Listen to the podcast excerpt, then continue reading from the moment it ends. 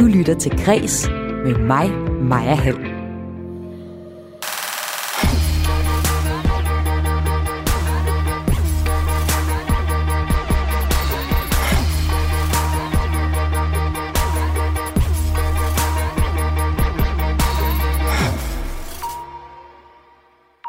Seksuelle krænkelser. Et miljø præget af vulgært, sjofelt og voldsomt seksualiseret sprogbrug. Perioder med alkoholiseret kultur og tilfælde af grov mobning. DR sagde onsdag aften på et pressemøde undskyld til de tidligere korsangerinder fra DR's pigekor for årtiers seksuelle krænkelser og chikane og ledelsesvigt. Undskyld, at DR svigtede jer. Det var ikke jeres skyld. Det var DR's ansvar. DR's generaldirektør Maria Rørby kommer med undskyldningen sammen med en præsentation af en advokatundersøgelse, der konkluderer, at mindst 64 tidligere sangere i DR's pigekor er blevet krænket, mens de har været en del af koret. Den her historie, den stiller jeg skarp på i dag i Kreds, dit daglige kulturprogram her på Radio 4. I den næste time taler jeg med tidligere medlemmer af pigekoret om det seksualiserede miljø. De er glade for undskyldningen, DR gav i går på pressemødet, men føler sig stadig uforløste. Og så får jeg besøg af direktør for DR Kultur, Børn og Unge, Henrik Bo Nielsen. Han skal svare på, om DR har været sit ansvar voksen, og hvilket efterspil undersøgelsen nu kommer til at få. Jeg hedder Maja Hall. Velkommen til Kres.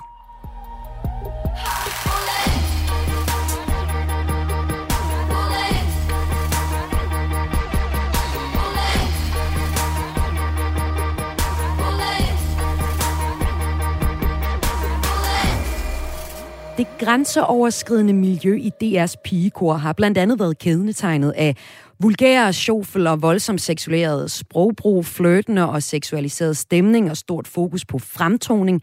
Grænser for, hvor tæt mænd burde komme på kormedlemmerne, er blevet overskrevet. Udtryk som tag selvbord er gået igen i mange beretninger, og i perioder har der været en alkoholiseret kultur.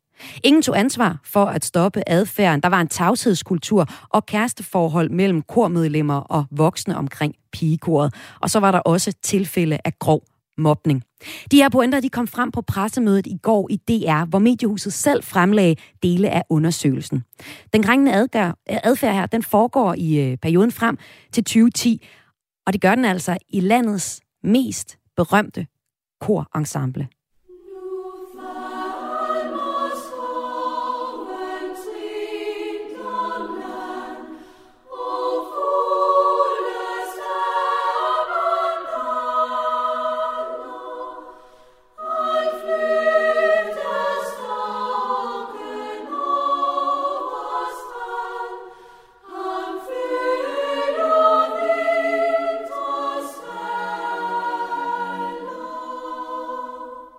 Seks voksne mennesker står bag den grænseoverskridende adfærd i DR's pigekor.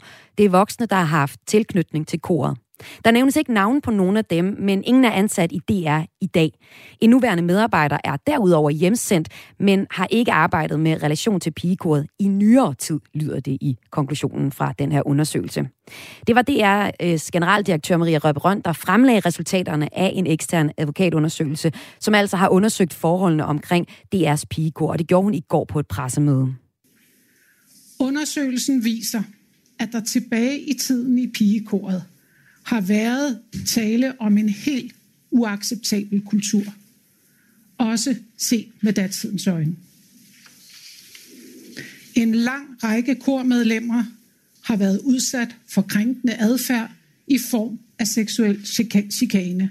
Noget, der kun kan tages skarpt afstand fra. Og så er det stærkt kritisabelt, at DR dengang tilbage i tiden ikke handlede Heller ikke, da klagerne begyndte at tække ind. De beskrivelser, der har tidligere har været fremme i pressen om fortiden i koret, og det skal altså her høres som en ros til særlig politikken og ekstrabladet for deres dækning. Den kan genfindes i undersøgelsen, og desværre meget mere til. Advokatundersøgelsen, hvis resultat altså i går blev præsenteret på et pressemøde, blev sat i gang af direktør for DR Kultur, Børn og Unge, Henrik Bo Nielsen i maj, og ham taler jeg med senere i udsendelsen. Undersøgelsen blev sat i gang efter, at DR fik to konkrete henvendelser om sexikane i pigekoret, og efterfølgende kom der så flere beretninger. I alt har advokatfirmaet Nordbom Vinding undersøgt 129 beretninger fra ca. 1970 og frem til 2010 i DR's pigekor. Afdøde Tage Mortensen var chefdirigent i koret i perioden 1966 til 2000, mens Michael Bøjesen bestred posten fra 2001 til 2010. En af de første to henvendelser kom fra Susanne Vik Kalvåg, der var sanger i DR's pigekor, da hun var øh, mellem 13 og 18 år. I dag er hun 56 år og psykoterapeut. Hun fortæller til Radio 4 Morgen, at hendes oplevelser med krænkende adfærd skete i perioden under chefdirigenten Tage Mortensen, og det var ham, der krænkede hende. Han kunne øh, tage mig på brysterne eller i skridtet, og så kunne han finde på at presse sin tunge ind i munden på mig øh, og tvinge mig til at kysse, og det havde jeg jo ikke lyst til, og synes det var meget klamt. Øh, men man turde ikke rigtig at sige fra, for han, han havde en meget voldsom øh, måde at straffe på efterfølgende, hvis man ikke gjorde det, han gerne ville have. Så der mærkede man så pludselig, at hans psykiske vold kom frem, hvor øh, det vidste jeg jo ikke, det var dengang, men det, det ved jeg, det hedder i dag, ikke? men hvor han så kunne finde på at øh, udskamme en virkelig voldsomt en koret, eller sige en til, eller komme meget tæt på ens ansigt og bare kalde en alt muligt mærkeligt. Øhm, så man virkelig følte sig smadret, eller hvad skal man sige, ulækker og billig og klam og ikke noget værd. Sådan lød det altså fra en af de tidligere pigekorsdeltagere. DR Pigekoret har eksisteret siden 1938. Det består af sådan omkring 55 piger i alderen 15 til 22 år. Men tidligere så har kormedlemmerne bestået af piger ned til 9 års alderen.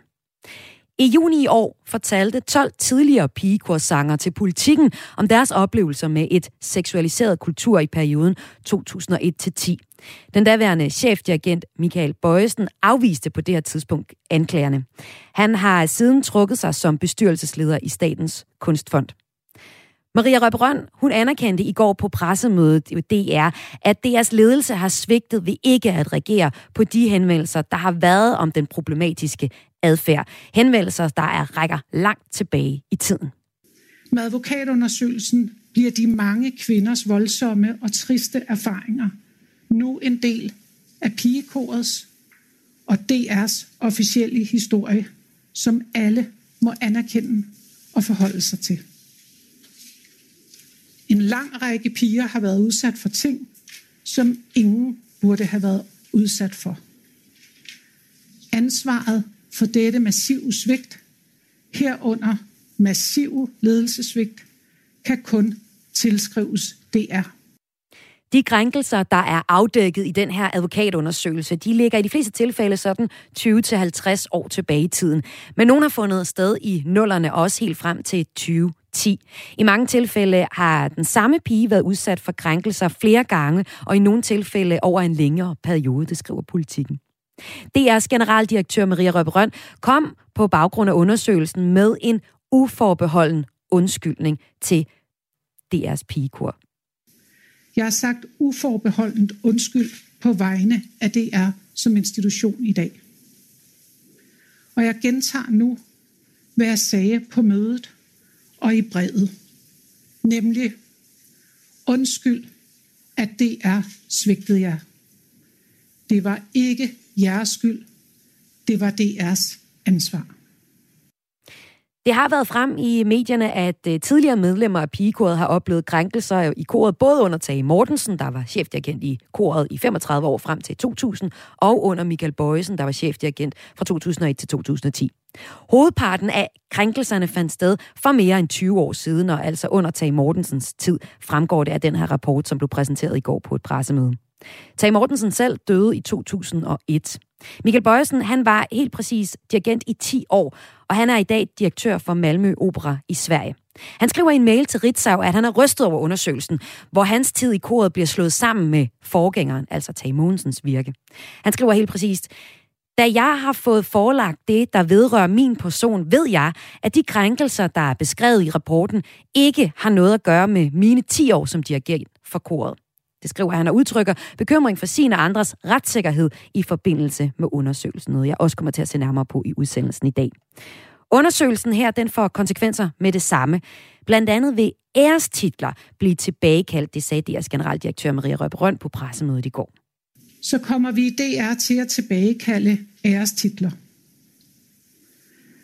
Der er ikke noget ærefuldt i den måde, hvorpå tingene har været omkring koret tilbage i tiden. En advokat er nu ved at se på, om DR har levet op til sit ansvar, og dermed også afklare, om DR har et muligt erstatningsansvar over for de krænkede sangere. De piger og unge kvinder, der har følt sig krænket i DR's pigekor, har god mulighed for erstatning, hvis de øh, søger det. Sådan lyder det fra to advokater, som DR Nyheder har talt med. Du lytter til Græs med mig, Maja Hall. Og i dag stiller jeg altså her i Kreds skarp på DR's pigegård. Forud for pressemødet i går aftes var de tidligere sangere i DR's pigegård indkaldt til en øh, fremlæggelse af den her advokatundersøgelse af den grænseoverskridende adfærd i koret. To af dem, der var med på mødet, det var, den ene det var dig, Eva Maria Lemberg. Velkommen til Kreds. Tak skal du have. Du var korsanger i DR's pigekor fra 1978 til 1984 under Tage Mortensens tid som chefdirigent. Og også velkommen til dig, Mette Dam. Tak. Du øh, sang i koret fra 97 til 2003, altså da Michael Bøjsen var chefdirigent. Allerførst, så kunne ja. jeg godt tænke mig at høre begge jeres øh, reaktioner på undersøgelsen og de konklusioner, den kom frem med. Lad mig starte med, med dig, Eva. Øh, er du overrasket over de konklusioner, der kom frem? Øhm, jeg vil sige, at jeg er måske ikke helt overrasket over det, men jeg er alligevel noget overrasket, fordi at jeg havde nok ikke forventet, at vi fik så uforbeholden en undskyldning, som vi gjorde. Øh, jeg havde måske nok troet, at der ville være noget bortforklaring, øh, måske noget læggen slør over nogle ting, øh, og måske vil man påkalde sig det der, som alle siger, det var en anden tid. Det synes jeg, det hørte vi jo på ingen måde øh, på det møde. Øh, det, gav, det gav man ikke udtryk for. Kun det modsatte, at det var øh, en krænkelse, krænkelse, vi oplevede også selvom det er sket for rigtig mange år siden øh, og vi fik den uforbeholdende undskyldning, som vi også har hørt i radioen mange gange i løbet af dagen her i dag. Ja, ja. Og da du hører undskyldningen allerførste gang, Eva, da du står øh, her sammen og får den, hvad er så din umiddelbare reaktion? Det er, jeg får, jeg får faktisk tårer i øjnene, og ja, ja, tårerne siler ned ad kinderne, det kan jeg også se, den gør på mange andre der sidder rundt omkring mig. Så, øh, og det overrasker mig, fordi at, øh, ja, det var simpelthen ikke forberedt på, at det ville berøre mig på den måde. Men det er jo, når man bliver frataget skyld, og nogle andre tager skylden på sig, så, øh, så, så giver det en lettelse, og det fremkalder tårer, øh, tror jeg. Så, og Mette, kan du ikke genkendelse til det, øh, Eva siger her? Altså, øh, overrasket over, at øh, undskyldningen var så bred, som den var? Jeg ved ikke, om jeg var... Jeg var meget positivt øh, overrasket over, at de ville, de ville gøre det, at de rent faktisk tog det på sig. Øh, jeg blev også, ligesom Eva Maria, meget bevæget over det. Øhm, for det er nemlig det med at få frataget sig skylden og overvejelserne, om det nu bare var en selv, der havde misforstået situationen.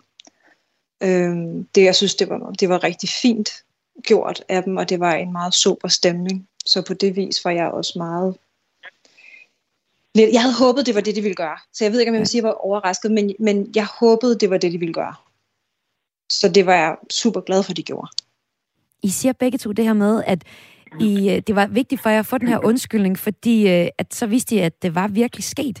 Lad os lige prøve at høre dig, Eva Maria. Du var korsanger altså i øh, den tidligste periode her fra 1978 til 84 under Tage Mogensens tid som chefdirigent. Hvad er det, du øh, selv har oplevet og været vidne til i pigekoret? Øhm, jeg er ikke en af dem, der er blevet direkte øh, krænket sådan øh, fysisk. Øhm, ikke andet end sådan, som vi alle sammen ligesom oplevede, at der var alt for meget krammeri, der var alt for nærgående for, for øh, stigende blikke, når man klædte om i omklædningsrummet, og en kultur, hvor der var en, en øhm, sprogbrug og en humor, som hæftede sig op på, på sådan sople, sople betragtninger eller sople historier. Øhm, så det, der var svært ved det, det var, at det var normalt. Altså, det var blevet en normal del af kulturen derinde, så vi andre tænkte, at hvis vi vil være med her, bliver vi nødt til at acceptere det her. Og når vi kunne se, at der ikke var andre, der reagerede på det, andre piger, så tænkte vi, jamen det her, det er bare normalt, så det, det er måske mig, der er noget galt. Men når jeg synes, det her er lidt underligt, så ret hurtigt går man ind i den her normalitet. Og så tænker man, om sådan er det bare. Og hvis jeg ikke kan lide at være her, så må jeg jo gå. Men det har jeg jo ikke lyst til, fordi det er jo her, alle mine veninder er.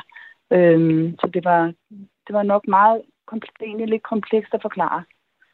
Og det er jo også helt sikkert, at øh, DR's pigekor er et kæmpe prestige øh, sted at være og få lov til at være. Men Eva Marie, hvad var det for nogle ting, du helt konkret oplevede i pigekoret på den her tid?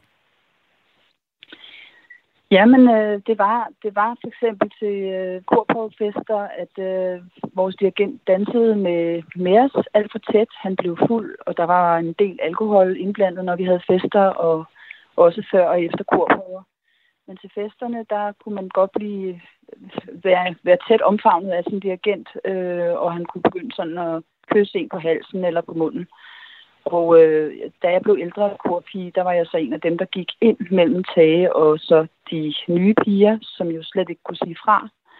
Og så måtte jeg jo ligesom skille dem ad og sige, nej, Tage, kommer den som mig i stedet for. Og det var der også andre, der gjorde. Ja, det jeg kan læse i politikken, som, undskyld, som blandt andet har dækket den her sag, det er, at uh, Tage Mortensen særligt var interesseret i de helt unge piger, og hvor det så var jeg lidt ældre, der gik ind og, øh, og tog over og havde sådan et, et, et søstrendeskab over uh, for situationen. Uh, var det også den måde, du oplevede det på, uh, Iva Maria? Ja, det kan man sige, fordi at øh, de var jo mere sagesløse, de helt unge piger, hvor vi ældre dog havde noget erfaring med Tage, vi kunne måske skæmpe og spøge lidt med ham og få ham til at gå væk. De havde lidt mere kraft, øh, og derfor han var, han var måske mest interesseret i de små, der ikke kunne sige fra. Hvor små var de? Jeg ved ikke. Øh, jamen, de var jo en 13 år, når de kom ind i koret. Gik du videre med nogle af de her oplevelser, som du havde? Ja, altså jeg gik hjem til min mor og far øh, og var meget oprørt over det og fortalte det øh, to gange til dem. Og de øh, rystede bare på hovedet og sagde, ah, må ikke lige øh, har en lidt for god fantasi i piger. Det har unge piger jo tit. Øh, så det kunne, der var ikke rigtig noget at gøre. De, de synes ikke, det var noget, og de var jo rigtig stolte af, at jeg gik i pigekoret. Så der var jo heller ikke tale om, at de ville tage mig ud. Øh, ja, ja, sådan var det altså. Og så, så du sagde, jeg, så er der jo ikke noget. Så du sagde det til dine forældre, men gik du selv videre til DR og forholdt nogen øh, fra mm. DR problemet, som du oplevede? Nej, det var sådan, at det var helt utydeligt for os, hvem man kunne gå til. Øh, der var slet ikke nogen personer, der sådan sagde, I kan komme til os, hvis der er noget som helst, som I vil betro os. Der var slet ikke den kultur dengang. Vi var sådan meget overladt til Tage og lige den, de forældre, der hjalp til, som også var venner med Tage. Så, så derfor havde vi ikke nogen sted at gå hen. Øh, vi kendte ikke andre, faktisk, i Danmarks Radio, synes vi. Mette Dam, du sang så i koret fra 97 til 2003, altså da Michael Bøjesen var chefdirigent. Hvad oplevede du øh, helt konkret i din tid i pigekoret af, af krænkende adfærd? Jamen altså, bare lige for at klargøre, jeg sang faktisk under begge dirigenter, så jeg havde tre år med Tage og tre år med Michael Bøjesen. Okay. Bare lige så det er klart. Mm. Øhm, så jeg, jeg oplevede dem begge to, så nogle af de ting, som øh, Eva Maria fortæller, kan jeg også ikke genkende til. Men med hensyn til Michael Bøjsen, så var det jo en helt anden strategi, eller det var en helt anden adfærd end Tage Mortensen. Tage Mortensen var meget eksplosiv og meget øh, kolerisk, øh, og tingene var meget, sådan, det blev meget fysisk, det var øh, kys og, og, og, og øh, alt for nærgående øh, kropskontakt, som Eva Maria også beskriver. Øh, Øh, med Michael Bøjsen var det jo en helt anden øh, stemning. Øh, men bare sådan, så man ikke tager fejl, der skete, det der skete var bare anderledes. Der var, øh, der blev talt om pigerne i seksuelt lavede termer. Der var, han havde øh, forhold til flere pigerne, mens jeg var der. Øh, hvor, som ikke var ret gamle. Og det startede faktisk inden for den, hans første tid i koret allerede, i startnullerne. Og vi har i øhm, udsendelsen her så... jo også øh, forsøgt at få en kommentar fra Michael Bøjesen øh, og en reaktion på de anklager, der bliver beskyldt på, men han har desværre ikke ja. haft mulighed eller lyst til at stille op her i øh, kreds på Radio Nej. 4. Men øh, Mette, du siger, at det er nogle ret unge piger, som han lægger op til. Altså, hvor unge er pigerne? Jamen altså, øh, 16, 15, 16, 17 år piger. Og hvordan lægger han konkret op til dem? Jamen, det er, det er jo uh, det er super svært at forklare, og ja. det er svært at forklare hurtigt. Ja. Øh, det er bare, bare så det er klart. Mm. Øhm, jamen, det er med, ved at knytte forbindelser. Ved at knytte forbindelser til de her piger, få dem til at føle sig særlige, få dem til at føle som om, at de er den eneste ene, eller hvordan det nu er. Det er i hvert fald sådan, som jeg har observeret det. Øhm, og så den stemning, det spredte i koret, at der var, det var helt tydeligt, at han havde forhold til forskellige i koret. Og jeg ved, og at det skabte en, en det skabte en, en, en, et, en, et split i koret, og det forstyrrede rigtig, rigtig, rigtig meget i kordynamikken.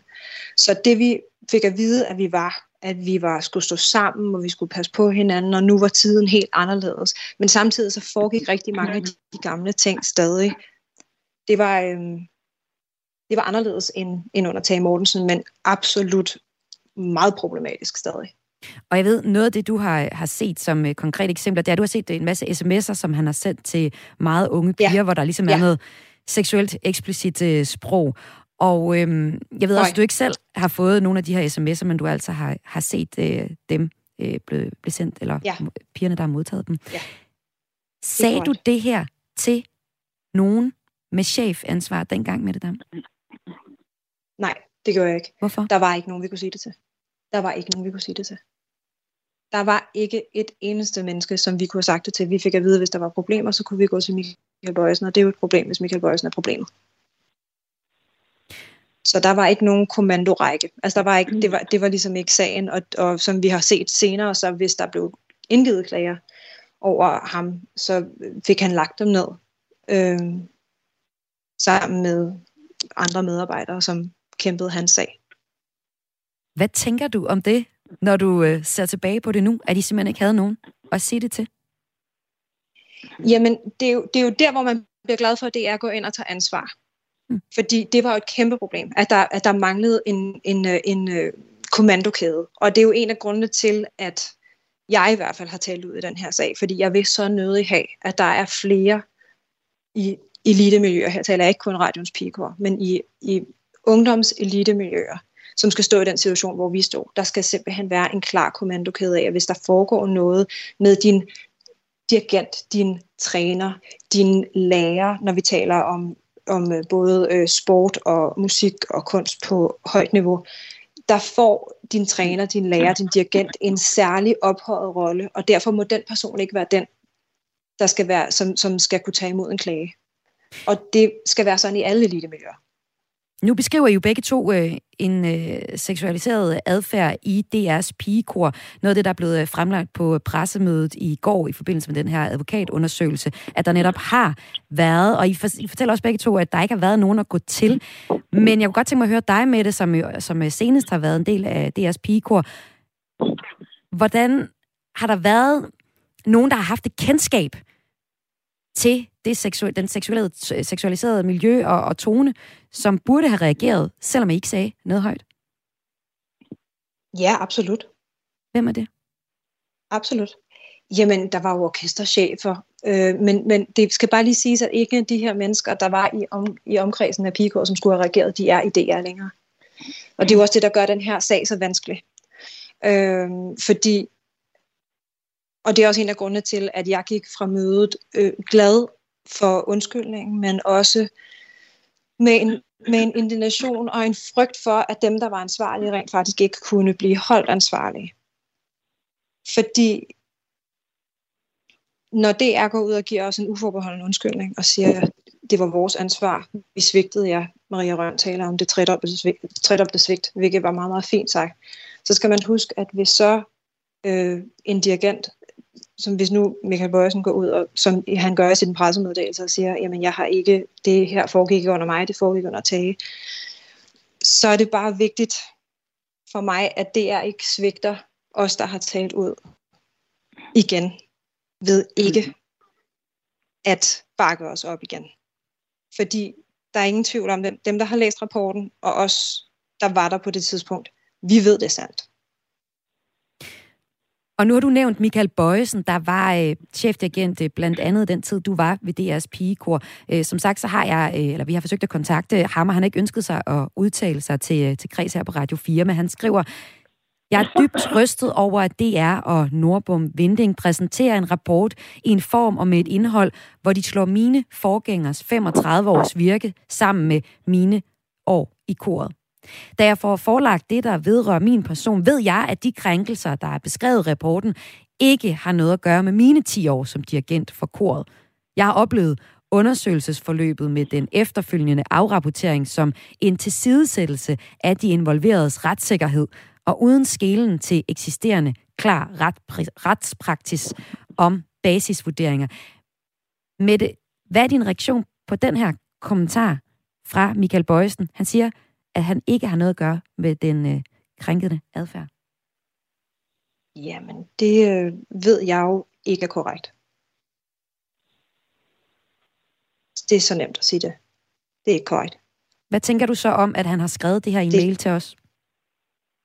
Jeg blev, øh, apropos at blive dybt rystet, jeg blev dybt rystet over, at han gjorde det. Jeg havde faktisk troet, at han ville tige, men det gjorde han ikke. Øh, jamen, jeg ved ikke, hvad der driver ham. Jeg ved dog, at vi er mange. Vi er rigtig mange, der ved, hvad der skete. Og at det, han beskriver, ikke er korrekt. Og mange... Så jeg, jeg, mm. ja.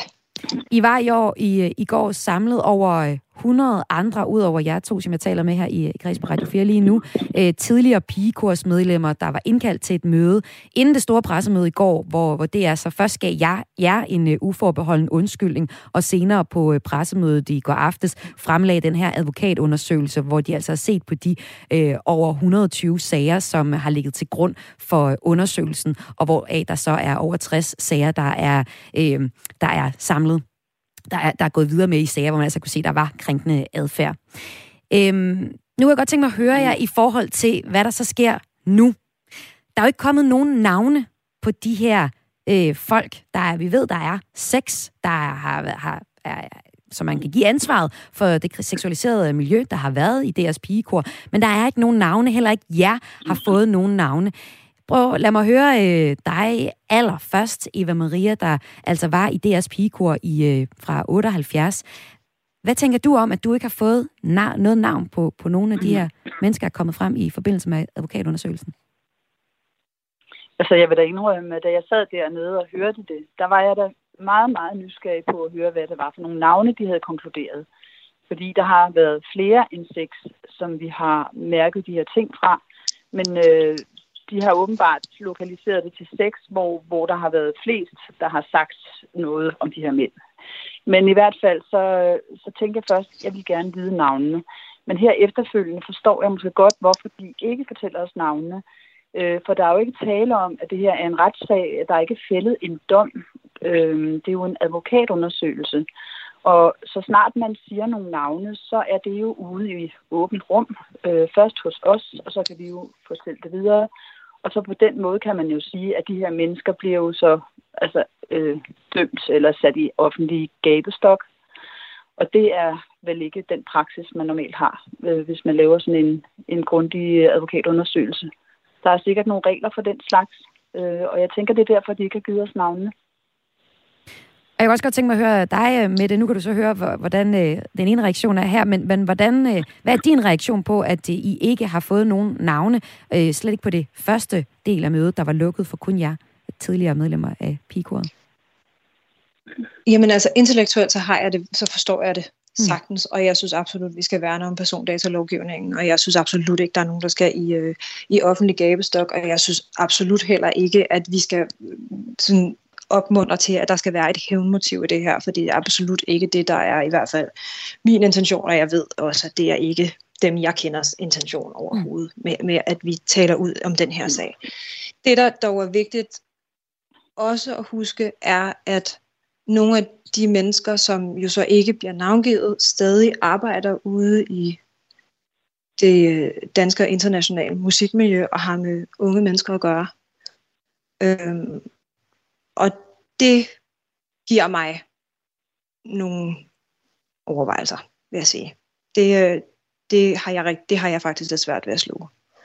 Øh, og det er der, hvor jeg synes, jeg, jeg er helt ærligt ikke sikker på, hvordan man skal håndtere det, men, øh, men jeg kan godt se, at der er en fare for, at man kan øh, på en eller anden måde vaske hænder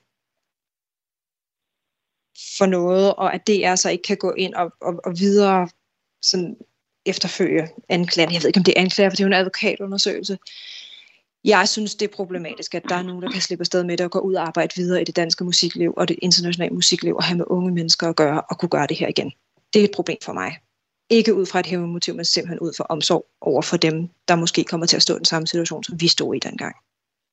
Og det blev de sidste ord for to tidligere der har været med i DR's pigekor. Tusind tak, for I var med. Eva Maria Lemberg, tidligere korsanger i DR's pigekor fra 78 til 84. Og også tak til dig, Mette Dam, tidligere korsanger i DR's pigekor fra 97 til 2003. Selv tak. Du lytter til Græs med mig, Maja Hall. Vi taler i dag om grænseoverskridende adfærd i Danmarks Radios pigekor. I aftes holdte DR et pressemøde, hvor de fremlagde konklusionerne fra en undersøgelse af grænseoverskridende adfærd i DR's pigekor. Og nu kan jeg byde velkommen til min næste gæst her i Kreds på Radio 4, dit daglige kulturprogram. Velkommen til Henrik Bo Nielsen. Tak skal du have. Du er kulturdirektør i Danmarks Radio. Og jeg kunne godt tænke mig lige at høre dig allerførst. Nu har vi lige haft to piger med, eller to kvinder med, der har været med i DR's pigekor. Hvad siger du til de to tidligere medlemmer af pigekors øh, historie, som de fortalte her? Jamen, jeg hæfter mig først og fremmest ved, at de øh, oplevede og opfattede, at det var en utvetydig undskyldning, og at det var det fulde og hele ansvar, vi tog på os og tog på DR, og at øh, den diskussion, som har fyldt meget for mange om ansvar, jamen der er jo en meget enkel fordeling. Øh, det var det fuldstændige ansvar, der var DR, og det var ikke pigernes skyld.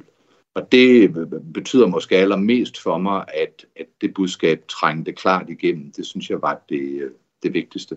Men vi kunne også høre to piger sige, at de stadig ikke synes, der var sat punktum i sagen. Gør det indtryk på dig?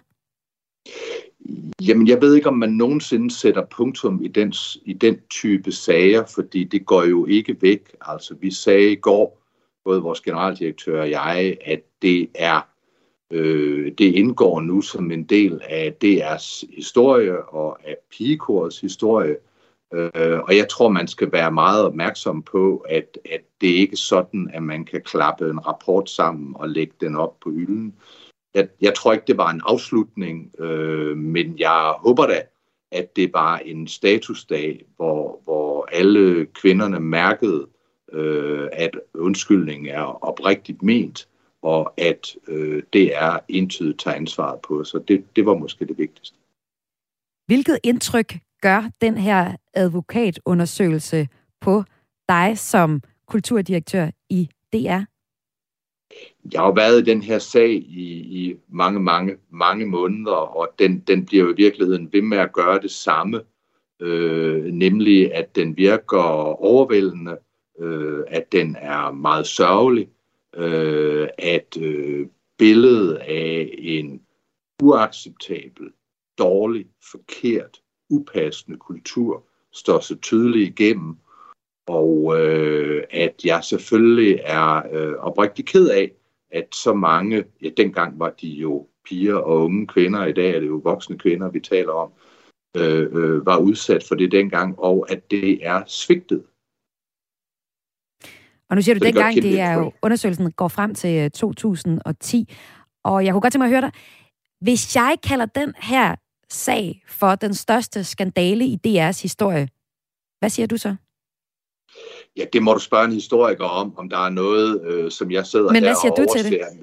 og ser, men jeg vil i hvert fald sige en af dem, øh, og om der findes noget, der kan matche det, det kan jeg ikke sådan rigtig forestille mig, men, men, men øh, øh, det må spørge nogle andre om. Jeg, jeg, kan, jeg kan jo ikke alle, alle facetter af historien. Undersøgelsen her den beror på øh, 129 indberetninger. I 64 tilfælde er der tale om, hvad øh, undersøgelsen kalder krænkende adfærd i form af seksuel chikane. Indberetningerne går øh, 20-50 år tilbage i tid og så frem til 2010. Hvorfor er der ikke blevet handlet på det her tidligere? Jamen det, det billede undersøgelsen tegner, fordi det er jo helt uforståeligt set derfra, hvor jeg står eller hvor du sidder, øh, at voksne mennesker kunne undlade at reagere, øh, så er det jo, at de voksne, der var omkring koret, øh, enten har taget del i det eller udvist en passivitet. Det er vel sådan det ene store svigt i den forbindelse.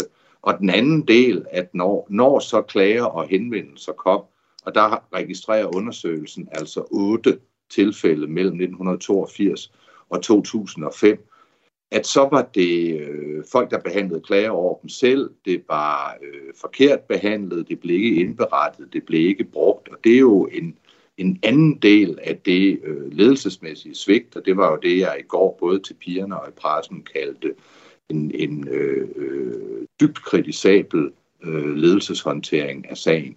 Så, så der er sådan set kun, kun dårligt at sige om det, men altså det kræver jo, at de voksne, der er omkring koret, øh, undlader at reagere, og, og at nogen øh, læs ledelsen så også har undladt at reagere, øh, når alarmklokkerne bimlede og lamperne blinkede rødt. Men jeg tænker, I sætter i gang i en øh, undersøgelse her i foråret i øh, forbindelse med anden bølge af MeToo på baggrund af to, øh, an, øh, to øh, indberetninger, som vi får. Men vi har jo kendt til problematikken omkring DR's pigekor langt langt tilbage. Vi har allerede tidligere her i udsendelsen hørt om øh, piger, der siger, jamen der har altså været kendskab til et problematisk seksualiseret miljø i DR's pigekor. Hvorfor er der ikke blevet handlet på det her tidligere? Altså, øh, for mit eget vedkommende hørte jeg første gang om den her sag i det sene efterår 2020, da jeg fik en, en andenhåndsberetning på det, og for vores generaldirektørs vedkommende, øh, øh, da jeg orienterede selvfølgelig hende omgående om den henvendelse, jeg havde fået. Så jeg ved ikke, hvad andre har vidst i, øh, i fortiden. Øh, øh, det, det, det må du spørge dem om. Vi kan jo i hvert fald konstatere, at der var folk, der ikke reagerede på det. Men, men os, der sidder her i dag, og som har stået for den, så vil jeg bare kalde det oprydning, der er i sagen, vi reagerer jo i samme øjeblik, vi får oplysninger. Det fremgår af undersøgelsen, at øh, 64 indberetninger kan spores til seks voksne omkring pigekoret, som så ikke længere er ansat i DR. Samtidig er en nuværende ansat i DR blevet hjemsendt, og der er indledt en personalesag mod vedkommende. Vedkommende er altså ikke blandt de seks personer, som de 64 indberetninger kan spores tilbage til. Vedkommende, som jeg har hjemsendt, øh, er det en, der har haft ledelsesansvar i DR's pigekor i en periode? Altså, øh, de chefer og ledere, der, der relaterer sig til, til modtagende klagesager, som vi kender til, øh, der er ikke nogen af dem, der er ansat i, i, i DR i dag. Jeg kan ikke kommentere på den konkrete personalesag. Sådan er reglerne nu engang for, for håndtering af personalesager i Danmark, og, og, og det må man, må man have respekt for. Men, men vi har synes, det har været vigtigt øh, at pointere, at vedkommende ikke var en af de, de seks personer, der konkret var koblet op øh, på krænkelserne, og at vedkommende i øvrigt ikke i en overrække har haft noget som helst med pigekort at gøre. Så Henrik Brun Nielsen, kan du garantere, at der ikke sidder nogen med ledelsesansvar lige nu i øh, DR, der har kendt til det, der er foregået altså, i deres pigekor? Nu har vi fået et vældig grundigt materiale, øh, og advokaten har øh, haft mange øh, og lange samtaler med de, der øh, er eller tidligere har været tilknyttet øh, pigekoret med en eller anden form for ansvar. Og på den baggrund er advokatens konklusioner, øh, at det er der ikke noget kendskab til. Og det lægger jeg selvfølgelig til grund for, min, for mine betragtninger. Det, det, så... gælder jo det, hele taget, det gælder jo det hele taget en undersøgelse som den her. Altså de vurderinger, advokaten har foretaget, lægger vi jo til grund. Vi giver os jo ikke til at, undskyld, second guesse, øh, om det nu var på en anden måde. øh, når advokaten har draget en konklusion, og det er jo det stykke arbejde, han har leveret. Så du kan altså ikke garantere, at der sidder nogen nu, Jamen, der har haft kendskab det, det, det til det i DR? Undskyld, det er en alt for alvorlig sag til at spørge på en pjattet måde, for det der garantiudstedelse er der jo ingen mennesker, der gør. Det eneste, jeg kan garantere, det er, at der er et fuldstændig fokus på håndtering af det her, og at øh, både jeg og vores generaldirektør og andre, der har været involveret i den her håndtering, har brugt al vores energi på at lave oprydningen så grundigt som muligt. Men skal der laves supplerende nogen... undersøgelser, for eksempel? Jamen, øh, noget af det, som jeg sagde i går, øh, både til kvinderne og til pressen efterfølgende, det er jo, at øh, nu har vi fået 129 beretninger. Øh, men det skulle komme bag på mig, at hvis vi har fået alle beretninger. Øh, det er som regel sådan, at øh, når øh, der først går hul på posen, så kommer ting gradvist. Og, og jeg har selvfølgelig, det kan jeg jo ikke vide, men en forventning om, at der er et mørketal, at der er nogen, der ikke har ville eller synes, de har kunne komme frem endnu, og, og at der kan komme flere beretninger, og det synes jeg, man skal være beredt på og, og, og forvente. Det ville være underligt, hvis vi havde fået hver eneste beretning på øh, alt, hvad der er sket. Så det, det, det, det tror jeg, at der kommer, og dem vil vi så øh, håndtere afhængigt af, hvad det er, de fortæller. Hvad gør du for at opmuntre, opfordre til, at der kommer flere? Jamen det gør jeg jo blandt andet ved at, at, at stille op i mange sammenhænge i pressen og ved at være i dialog, og det gør jeg ved, at vi jo øh, til vores møde ikke bare inviterede de kvinder, der har medvirket øh, i form af, af, af beretninger til undersøgelsen, men, men bredt at øh, invitere ud, lægge det på Facebook, øh, være tidlig med pressemeddelelser, og det samme gælder jo den hvad skal vi kalde det, inddragende proces, fordi vi har jo bedt de tidligere pigekursmedlemmer, der har lyst øh, til at komme ind senere i, i, i november øh, og deltage i en diskussion om, hvad kan man bruge deres erfaringer til, og hvordan kan man mere konkret fremadrettet arbejde med sagen. På samme måde inddrager vi jo det nuværende kor, eller skriver ud til, til, til forældrekredsen, eller hvad det nu kan være, sådan at vi tydeligt signalerer, at hvis man har noget på hjerte, vil vi gerne høre det. I 1996 der fik DR en klage fra en mor til et medlem af pigekoret, som fortalte, at hendes datter var blevet befamlet og kysset af daværende TF-dirigent Tage Mortensen. Det har politikken øh, tidligere beskrevet. I den forbindelse fik Tage Mortensen en skriftlig advarsel. Vi har spurgt DR's tidligere generalsekretær Christian S. Nissen, om den sag skulle have været håndteret anderledes. Uh, ja, man kan, altså, der, der, det er der vel ingen tvivl om, når man læser den. Altså, det er ikke sådan, at der står... Altså, det, så vidt jeg kan se, så er det ikke noget, rapporten lister op, hvad vi har gjort anderledes, men det er jo ret indlysende, når man læser, hvad der skete, øh, at, at man skulle have øh, taget mere alvorligt på det, og de betragtede, altså den sag, jeg var involveret i 96, de betragtede vi som noget fuldstændig unikt og enestående, altså øh, en, en enkelt isoleret sag, vi var på det tidspunkt slet ikke opmærksom på, hvor udbredt og alvorligt det var. Henrik Bo, du er jo med her i øh, Kreds på Radio 4 i dag, som øh, fortæller dig, udtaler dig på vegne af institu- institutionen øh, Danmarks Radio. Hvad synes du om den sag, og hvordan den blev øh, håndteret, som vi hører her, Nissen? Forklar. Jamen, øh, jeg synes helt generelt, og det gælder jo også den sag, den har været fremme i pressen af flere omgange, så derfor er jeg ikke så bekymret for at, at, at adressere, at det er jo altså en tidligere, tidligere generaldirektør, der svarer på, på, på sagen, selvom vi ikke generelt identificerer og sætter navne på.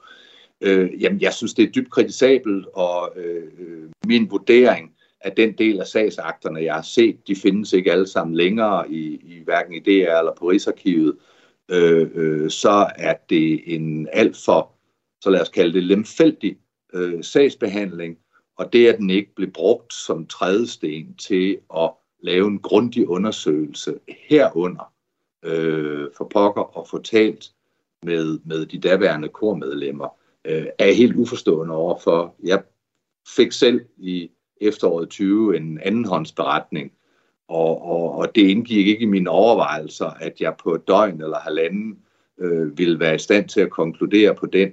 Øh, og det var jo i virkeligheden, hvad der skete tilbage i, i, i, i, i 96. Så det er jeg, øh, kaldte jeg i går, og det gør jeg gerne igen, dybt kritisabelt. Undersøgelsen her, altså den her advokatundersøgelse, der blev fremlagt på et pressemøde i øh, går aftes øh, af jer på DR, den konkluderer også, at øh, der er blandt andet at tale om fysiske tilnærmelser af varierende karakter, som spænder fra blandt andet omklamrende, nærgående og intense kram, og andre former for berøringer herunder intime steder til ufrivillige kys, herunder gentagende og langvarige tungekys, egentlige befamlinger, og så står der også, og adfærd af endnu grovere karakter. Hvad dækker adfærd af endnu grovere karakter over, Henrik Bo? Jeg kan ikke rigtig føje øh, noget til advokatens beskrivelse, og jeg synes egentlig, når som du læser det op, der tegner det jo et billede af, at det er stort set hele grovhedsskalaen for overgreb, øh, der er bragt i anvendelse. Vi har været meget omhyggelige med ikke at identificere enkeltpersoner og enkeltberetninger, og, og, og komme det meget nærmere, end, end det du gør der, øh, øh kan jeg sådan set heller ikke se, at der er nogen grund til, men, men som sagt, det er stort set hele grov, grovhedsskalaen, der har været øh, brug, og man må jo tage øh, altså, så meget afstand, som man overhovedet kan fra, at, at børn og helt unge piger har været udsat for den behandling. Det sidste, jeg godt kunne tænke dig at øh, tale med dig om, øh, Henrik Bo Nielsen, kulturdirektør i Danmarks Radio. Det handler om øh, retssikkerhed i øh, rapporten og Michael Bøjsens kritik. Det fremgår rapporten her, at de fleste krænkelser fandt sted under Tage Mogensens tid som chefdirigent fra øh, 66 til 2000, men at nogle af beretningerne relaterer sig til nullerne og frem til 2010. Og i den her periode, der var det Michael Bøjsen, der var chefdirigent for DR's pigekor. Og vi har også lige øh, før tidligere her i Kreds hørt en fortælle om, hvad hun oplevede under øh, Michael Bøjsen som chefdirigent for pigekoret. Vi har uden held forsøgt at få et interview med Michael Bøjsen, men han skriver i en mail til os, at han er dybt rystet over, at DR og advokatfirmaet og så citerer jeg ham her fra mailen til os, præsenterer en rapport i en form og med et indhold, hvor de slår min forgængers 35 års virke sammen med mine år i koret, og han var altså i, år, i, i koret i 10 år. Hvad siger du til det? Jamen, øh, navngivende personer i, i forbindelse med den her undersøgelse, det har jeg i udgangspunktet ingen kommentar til, men må ikke minde om, og det kan jo så være en kommentar til det, at advokaten jo meget omhyggeligt formulerer, at øh, langt størsteparten af de 64 øh, indberetninger om krænkelser, der falder, går tilbage i tiden før, øh, de kalder det 20-50 år tilbage, men at der også er eksempler i nullerne og frem til 2010. Og så må man jo lægge det i det, øh, man vil. Vi kan ikke gå længere, så, sådan er regelsættet.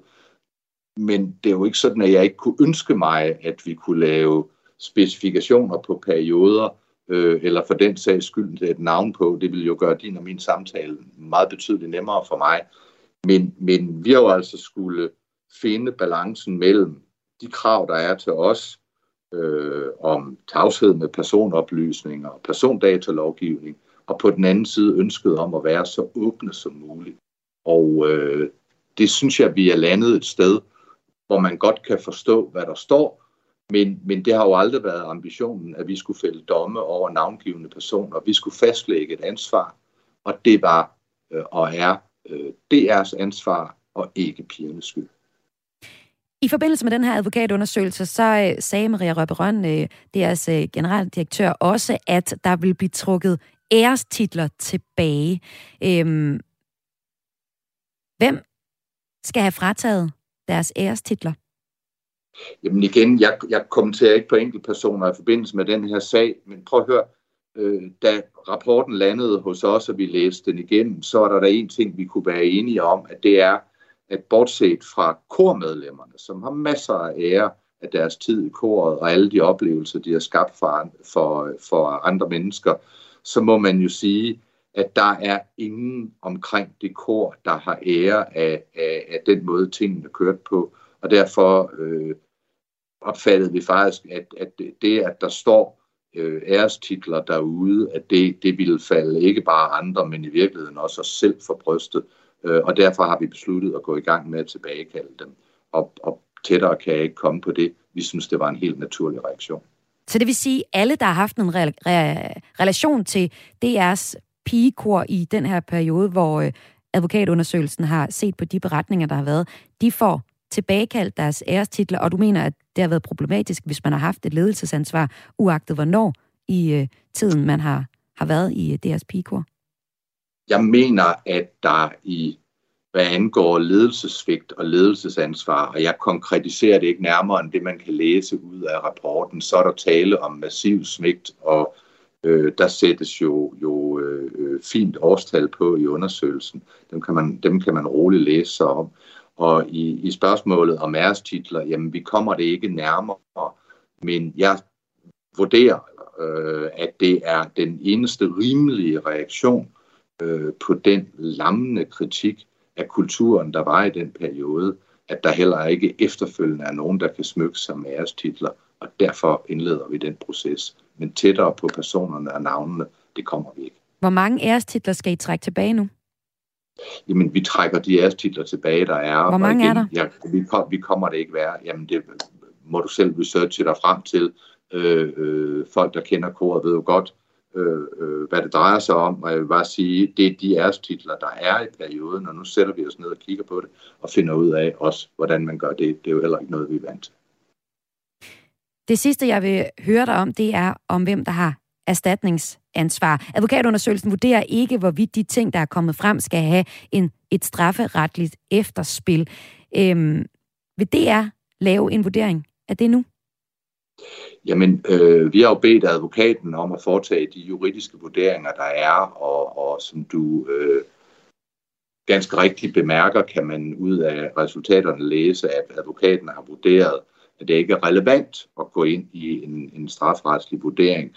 Og det kan der jo i udgangspunktet være tre grunde til, øh, sådan uafhængig af den her sag, og helt principielt, øh, at det kan være, øh, at øh, der er tale om forældelse, det kan være, at der er tale om personer, der øh, øh, eller øh, forhold, der øh, ikke i strafferetslig forstand er øh, øh, tunge nok, og så kan det være, fordi der er personer, der ikke har ønsket, at tingene skulle anmeldes øh, øh, til politiet, og, og hvor på skalaen vi er, eller hvor, hvor i, i sanktionspunkten vi er, det er jo et spørgsmål øh, for, for advokaten, og det kommer han ikke til at svare på. Vi kom, kommer det ikke tættere, end, end det du kan læse i undersøgelsen.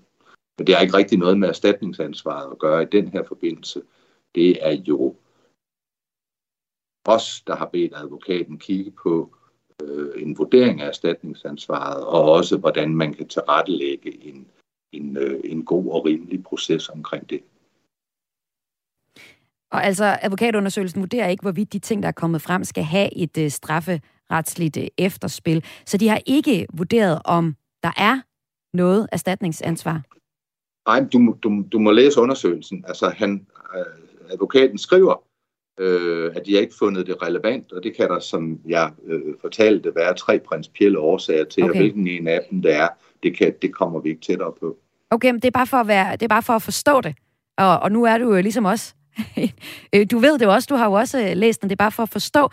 Siger advokaten, at der skal være et erstatningsansvar, eller ej?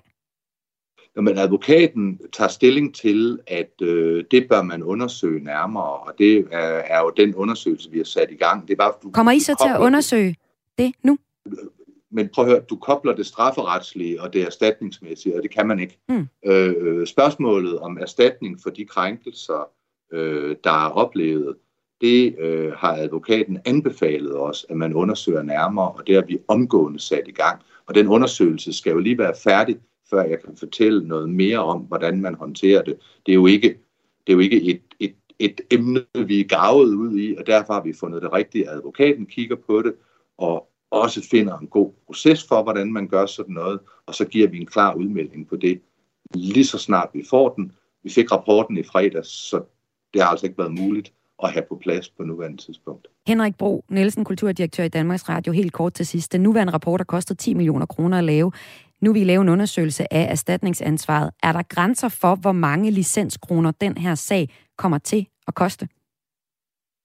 Det er en helt forkert præmis, du stiller op for det. Det ene er jo en konsekvens af det andet. Altså med den krænkende adfærd øh, og det ledelsesvigt, øh, øh, øh der er blotlagt i undersøgelsen, så er det en helt naturlig udløber også at undersøge erstatningsansvaret. Det er jo ikke noget, man skal sidde og synes noget om, men det er en forpligtelse og en opgave, man skal tage på sig, og det gør det er naturligvis, som vi skal. Tak fordi du var med her, Henrik Bo Nielsen, kulturdirektør i Danmarks Radio. Og det var alt fra Kreds her på Radio 4 i dag.